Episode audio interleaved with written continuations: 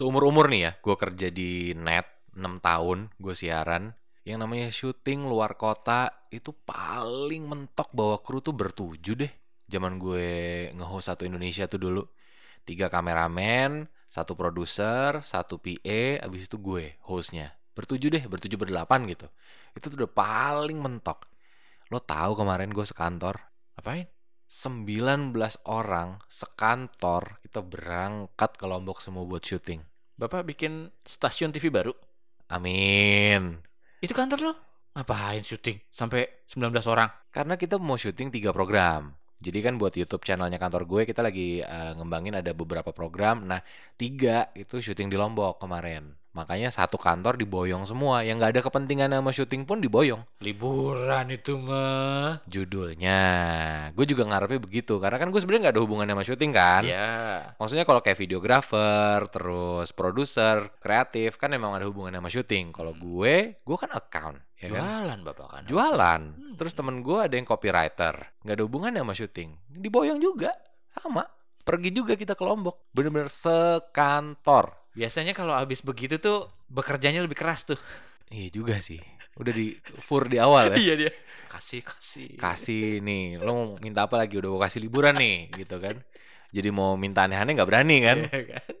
udah ada hutang budi gitu sama kantor tapi happy banget sih gue alhamdulillah walaupun gue nggak merasakan lombok sebagai tempat buat liburan ya karena kemarin di sana full kerja bener-bener ngurusin tiga syutingan sekaligus cuman gue happy sih bisa ke lombok karena gue belum pernah Oh lu pernah lombok? belum lo udah kan Dua kali pak. wih sombongnya udah pernah ke lombok dua Kerja, kali Pak. Kerja.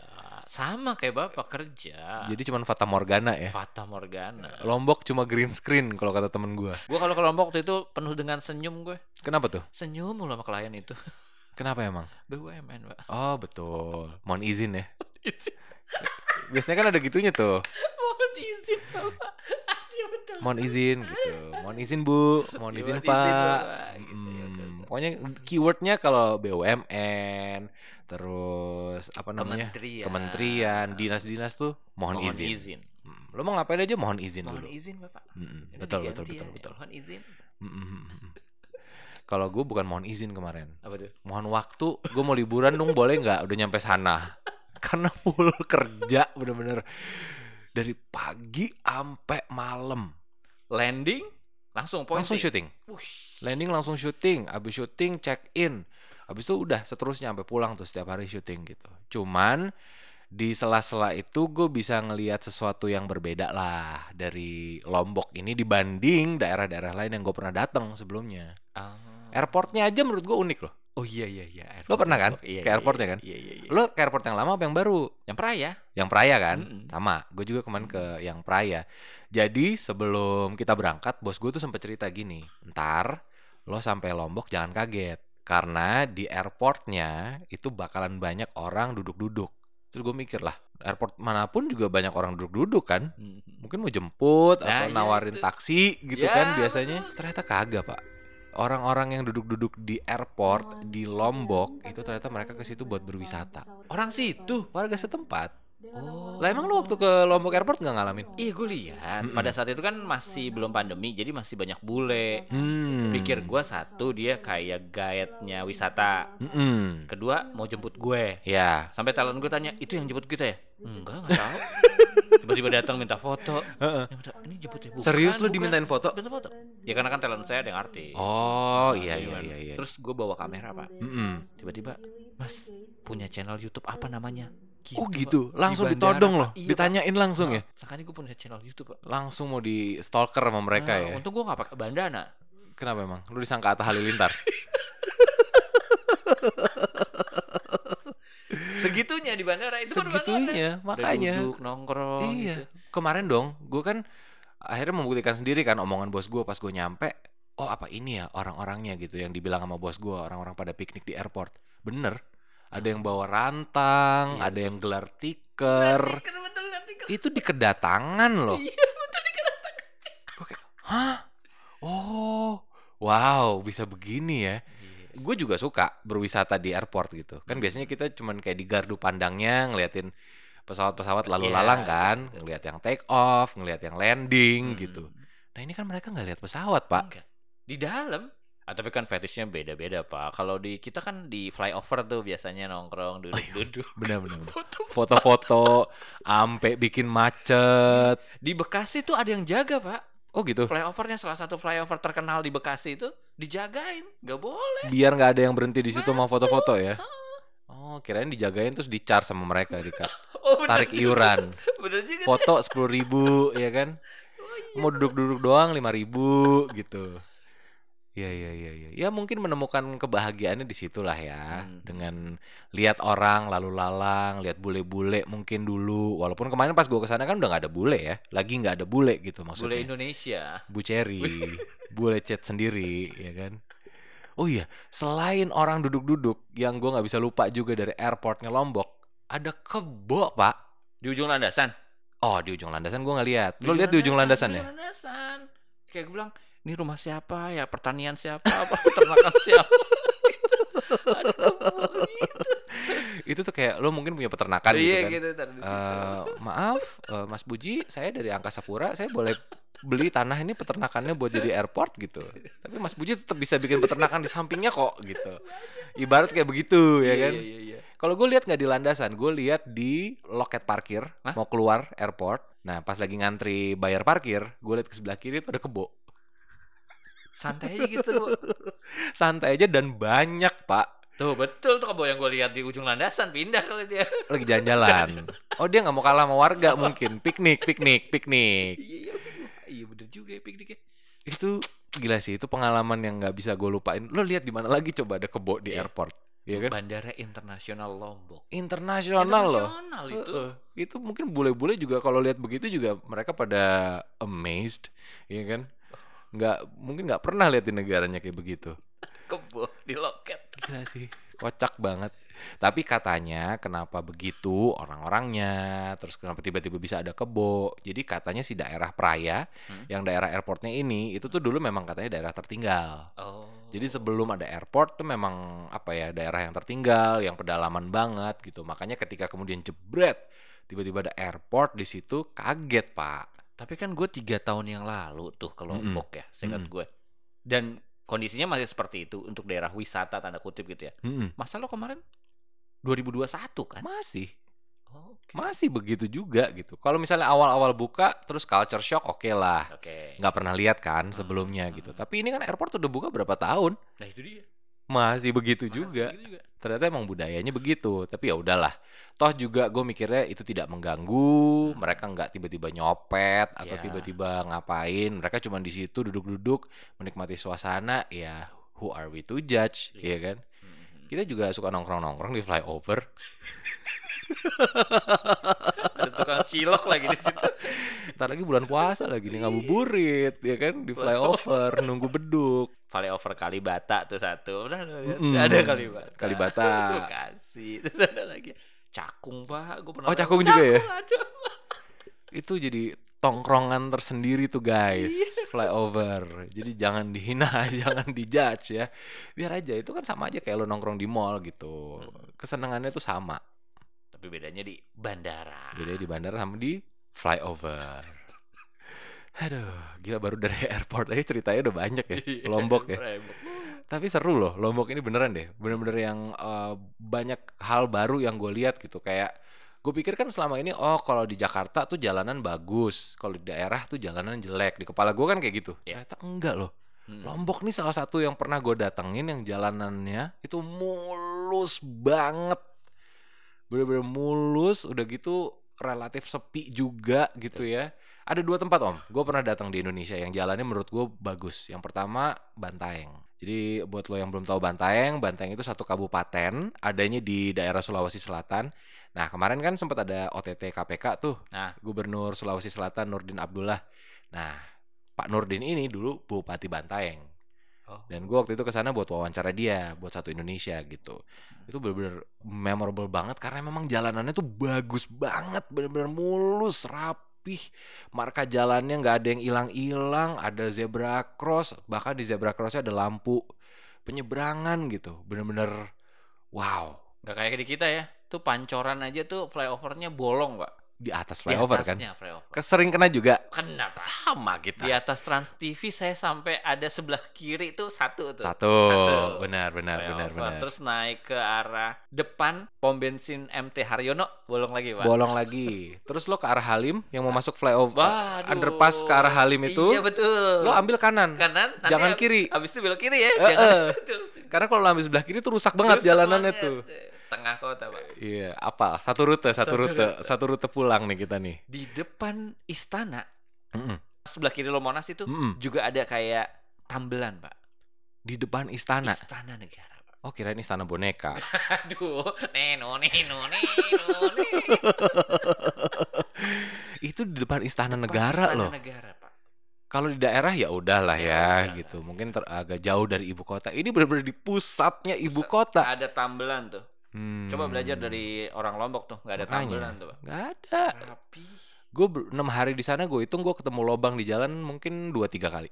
Coba bapak hitung dari keluar tol rumah bapak tuh Jatiwaringin sampai rumah bapak lobangnya berapa pak Nggak usah dari keluar tol pak, dari keluar pagar rumah saya juga udah lobang tuh depan ya kan. Situ de- depan udah lobang, belokan lobang lagi, polisi tidur lobang lagi. nah itu dia kenapa jalan jelek tetap ada polisi tidur Nah itu dia pertanyaannya. Padahal tanpa perlu ada polisi tidur juga pun lo pasti melambat dong. iya nggak usah kenceng Iya kan? dong Kenapa ya? Formalitas. Ya Allah pak Jadi kalau ada yang kecelakaan kan warga setempat nggak disalahin. kecelakaan bukan karena dia ngebut pak Karena kena lobang pak, kepleset. Saking banyaknya lobang deket rumah gua. Ya Aduh. Ya Jakarta, terus kota-kota di sekitar Jakarta harus banyak belajar nih sama Lombok Mm-mm. menurut gue. Mm-mm. Karena jalanannya emang bener-bener bagus banget dan mulus dan itu tuh di seluruh pulau loh. Di Ya. sepa, di yang kemarin gue datengin ya kan gue lumayan muter-muter tuh ke Lombok Timur, ke Lombok Tengah gitu ya, ke Lombok Barat juga. Itu relatif kayak gitu semuanya. Jalanannya mulus, terus eh, bagus walaupun nggak semuanya sepi ya.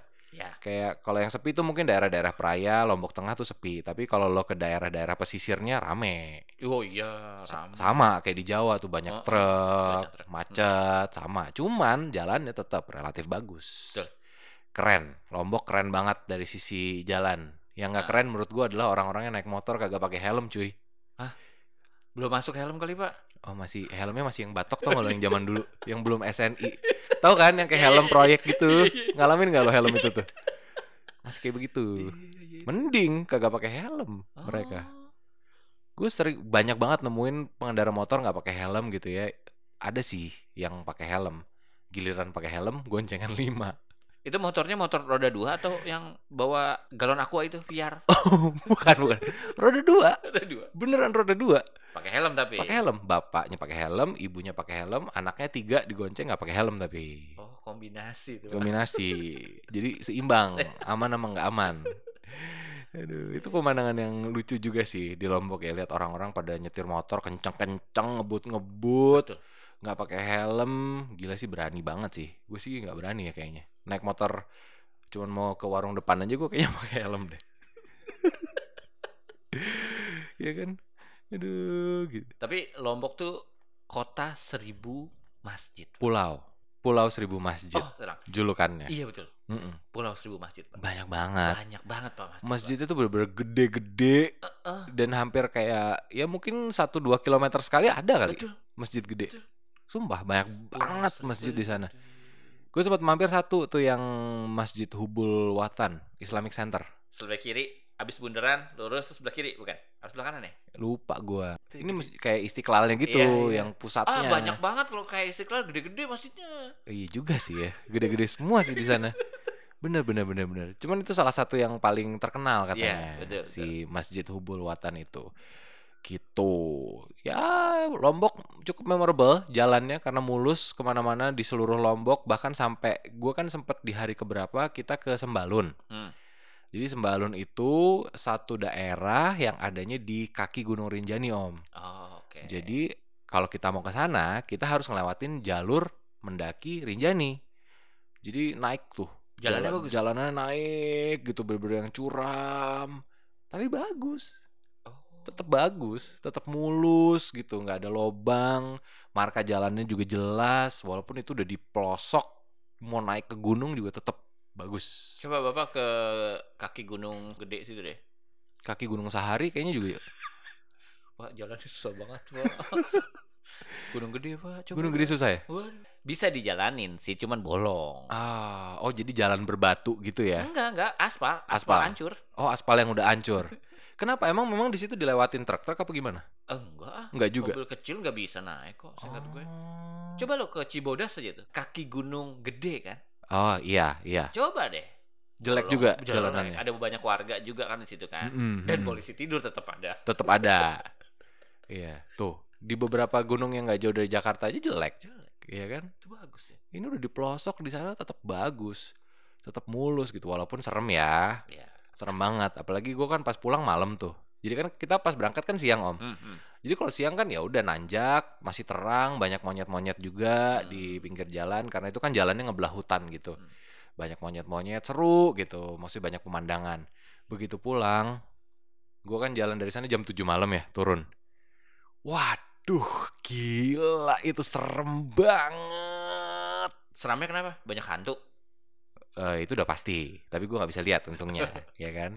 Jalannya tuh bener-bener yang curam turun gitu loh. Oke. curam yang turunan curam udah gitu berkelok-kelok terus curam bener-bener turunnya curam dan gelap Oh, belum ada lampu. nggak ada lampu sama sekali nggak ada lampu bahkan nggak ada apa ya kalau misalnya di biasanya di jalan tuh kan ada yang merah-merah tuh mata kucing ya Mata kucing, mata kucing. mata kucing pun nggak ada jadi bener-bener jalannya tuh gelap curam gue cuman berdoa satu jangan sampai kabut aja nih Oh, gelap banget. kalau sampai kabut kelar Berhenti lu situ. berhenti nginep gua extend Bukan tenda. buka tenda buka kamar lah Ada warga situ. ada Oh, ada. kita sempat ditawarin nginep di situ sebenarnya cuman eh, harganya sama kayak Aston cuman kan Oke. ya namanya hotel di pedalaman lo nggak bisa expect sebagus Aston dong Iyalah. jadi udah deh kita Tapi pulang aja pemandangannya bagus. nggak tahu juga gue belum lihat kalau nggak ya bisa nginep di rumah Pak Kades gitu. hmm, belum nanya sih Siapa tahu dapat anak Pak Kades. jodohin ya Enggak terus ntar ada adegan-adegan kayak FTV gitu tau gak lo yang tiba-tiba cinta lokasi sama anak Pak Kades. Aduh, seru seru seru. Itu eh, salah satu eh, pengalaman nyetir gua terserem tapi terseru gitu. Turun dari Rinjani itu. Lo pengalaman nyetir paling serem apa? Banyuwangi ke Jember. Banyuwangi ke Jember. Ya, sama jalannya. M- Apa berbukit-bukit gitu Berbukit juga. Jalannya lebih ke- sama mungkin kecil, aspalnya tidak begitu rata dan Mm-mm. banyak truk. Hah? Itu yang stres, Pak. Mau kenceng depan ada truk, yang Oh, oh. nanjak itu.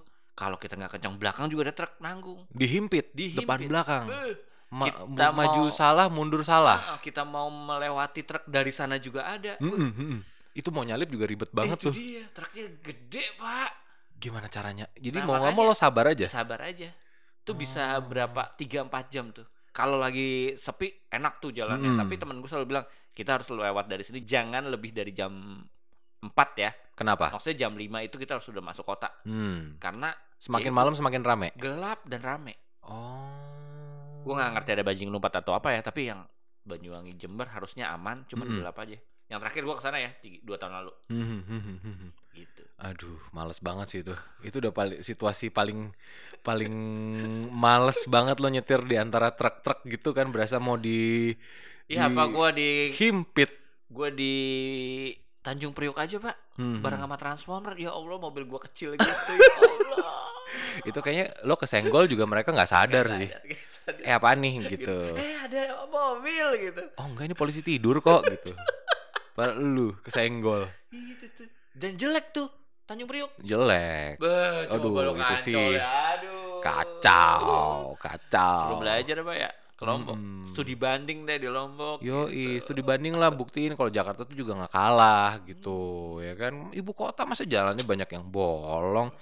Maksudnya jalan bolong tuh kan nggak cuman nggak nggak enak dilihat, tapi bisa membahayakan pengendara juga ya nggak sih? Betul dong. Lo kalau naik motor bisa jatuh, lo kalau naik mobil bisa nabrak gara-gara lo kaget ada lobang gitu kan. Kita yang disalahin. Enggak hati-hati Mm-mm. sih. Urus tuh jalanan lo benerin. Aduh, ya mungkin bisa dicontoh lah dari eh, Lombok gitu ya. Iya. Selain jalanannya yang emang bagus banget, menurut gue yang eh, Jakarta juga bisa kejar tuh harusnya pariwisatanya. Karena Lombok tuh pariwisatanya gokil dan dia punya pulau-pulau yang menurut gue cantik banget, which is Jakarta juga punya. Kepulauan Seribu. Lu tau nggak ada yang tempat baru yang lagi rame tuh? Apa tuh? Pik. Pik 2 Heeh. yang baru. Iya. Kenapa? Gue udah ke sana pak. Oh lu udah ke sana? Macet pak orang-orang. Serius loh? Serius. Oh lu weekend ya ke sana ya? Iya lah. Ah, iya kalau weekend emang rame. Isinya juga gitu-gitu aja pak. Cuman tempat makan doang kan? Tempat makan. Ada sepeda deh, sepeda yang gandeng. Oh ada ya sekarang ya? Oh nggak tahu gue. Gue nggak lihat kemarin. Macet pak. Iya macet. Cari parkirnya juga susah kan? Aduh. Itu tuh. Eh, tapi itu salah satu tempat wisata baru tuh Baru. di Jakarta. Ya itu. Nah kalau ini kita menang, nggak ada nih. Di Lombok nggak ada nih yang kayak begitu. Loh, mungkin ntar bisa ada loh. Bisa. Someday, someday bisa ada. Oh, masih lama. Ya 20 tahun kali ya. Ya sekarang aja airport masih jadi tempat wisata, ya kan? Oh, baru wisatanya airport dulu ya. Yang Gili-gili itu belum ya? Belum. Gili-gilinya tapi keren sih, gue akuin. Gue kan selama ini taunya kalau Lombok tuh paling gili Terawangan, Hmm. gili air, gili Meno. Ternyata pas gue ke sana kemarin gue baru tahu ada gili-gili lain yang gilinya ini masih perawan om, bener-bener yang eh, dia masih perawan, belum ada penghuninya, terus bener-bener yang masih nggak ada hotel, nggak ada resort. Kalau kayak Terawangan kan udah isinya hotel-hotel kan. Yes, betul. Ini tuh bener-bener yang masih kosong, song, song, melompong, bener-bener masih perawan. Jadi ada tiga gili juga, namanya gili lampu, gili petagan, sama gili kondo. Gili Kondo itu punyanya Marie Kondo bukan? Nah itu dia yang gue tanya, "Eh, Bu Marinya ada nggak nih gitu? Terus ditanya Bu Mari Elka Pangestu, ternyata nyambungnya beda lagi, mantan menteri. Nah. Itu tuh masih masih perawan. Kalau gili Terawangan kan di barat ya, ya. ya kan? Hmm. Di pesisir sebelah barat. Nah kalau ini itu di pesisir sebelah timur, Om. Wah, belum tuh ke sana gue. Lo belum pernah ya? Gue yang ke barat itu kan BUMN doainnya ke situ. Nah, betul. Kawasan wisata Iya. soalnya kan. Nah, kalau ini belum, dia belum jadi kawasan wisata, tapi menurut gue lebih cakep. Masih perawan. Satu masih perawan, dua dia tuh dekat Gunung Rinjani kan. Oh iya. Jadi lo ke arah Rinjani dan ketika lo nyebrang ke pulau, Hmm. pas lo lagi di tengah laut, lo lihat ke belakang, view lo tuh Gunung Rinjani. Oh. Itu gokil menurut gue. Lo dapet gunungnya iya, lo dapet pantainya iya, lo dapet lautnya iya. Itu sih bener-bener komplit. Ini gue ceritain dulu nyebrangnya ya. Hmm. Jadi kan perjalanan dari Mataram tuh kurang lebih dua jam. Hmm. Udah dua jam, abis itu nyampe ke pelabuhan Gili Lampu. Dari situ lo naik kapal. Oke. Naik kapal tuh kayak kapal nelayan gitu. Yang Tapi pelabuhannya bagus. pelabuhannya oke lah, lumayan, lumayan. ha. Sunda Kelapa lewat. Sunda gedean Sunda Kelapa sih. Ini cuma kayak pelabuhan kecil, Oh, oke oke. oke. kayak pangkalan ojek versi kapal gitu. ojek laut, Ojek laut. ojek laut. Ojek laut. Satu kapal tuh isi bisa enam orang lah gitu. Jadi kita nyebrang tuh dua kapal kemarin. Nyebrang, terus sampai sana gue pikir, oh ini bos gue bilang kan ini pantai perawan kan. Hmm, hmm, hmm. Jadi oh ya udah gue harus siapin nih semuanya listrik listrik harus gue charge full Oh, gitu belum kan. masuk listrik di sana. Gue pikir Oh, makanya laptop gue charge full, handphone gue charge full juga gitu. Ternyata sampai sana ada listrik. wah. Ada, ada. Tapi memang listriknya bukan yang ngambil dari PLN gitu. Jadi mereka ada panel solar panel, Oh, tenaga matahari. gitu tenaga ya. matahari. Jadi listriknya mereka punya sumber daya sendiri gitu. Dan udah lumayan lengkap. Kamar mandi ada, listrik ada, terus ada warung juga. Jadi ya kalau lo mau ber- berwisata udah bisa lah ke situ. Nggak perawan-perawan banget. Pop mie juga tuh pop mie. Oh jelas, jelas. Gue jauh-jauh ke Lombok makannya pop mie juga. Jelas harus kalau ke pantai lo harus makan pop mie. Apalagi pop mie with a view kan. Woi. Dengan pemandangan yang gokil itu bisa ngeliat Gunung Rinjani dari kejauhan. Tapi di dalam situ Gila. ada warganya. Eh, ada warga yang jaga warung. Nah, cuma gue nggak tahu dia tinggal di situ apa enggak. Hmm. Tapi ada satu warung di pulau itu. Dia jualan minuman, jualan makanan. Lu sempat keliling pulau itu nggak? Hmm, gue cuma duduk-duduk di balai-balai aja sih, karena gue sambil kerja kan, sambil laptopan, Oh. meeting gitu. Jadi gue nggak sempat explore pulaunya. Lu Cuman meeting di sana? meeting. Sinyal masuk. Jangan sedih, aman. Kok bisa? Telkomsel, Oh iya, Telkomsel. Telkomsel gokil loh. Gokil, gokil. Itu bener-bener di tengah laut tuh sinyalnya aman. Pas di pulau pun juga sinyalnya penuh. Dia BTS-nya di mana ya? BTS-nya di Korea Selatan kayaknya.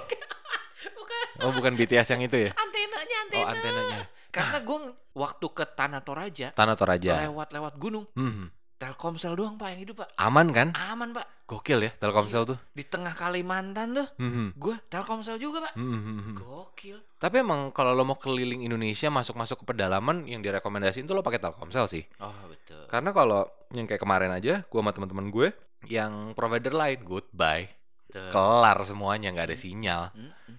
Ini tuh bener-bener aman di tengah laut aman, di pulau aman. Lo udah ngebuktiin juga di Betul, gunung juga aman gitu. Iya, Jadi betul. kan emang ya nggak ya wajar lah harganya segitu. iya betul harganya.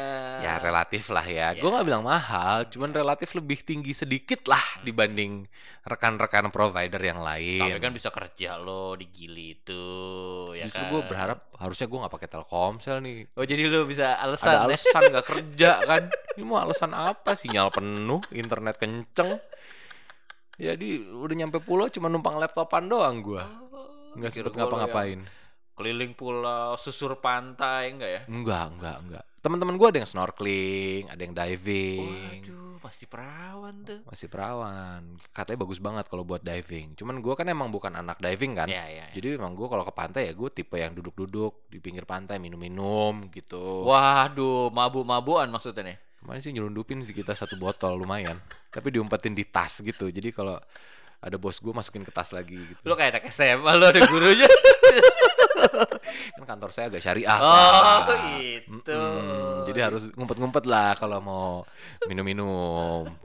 Tapi seru sih. Seru, seru, seru, seru banget ke gili-gili itu. Jadi kalau lo ada kesempatan buat ke Lombok, itu rekomendasi gue ya. Tadi lo harus mampir ke gili-gili yang belum pernah didatengin orang itu. Ada gili Lampu, gili Kondo, gili Petagan.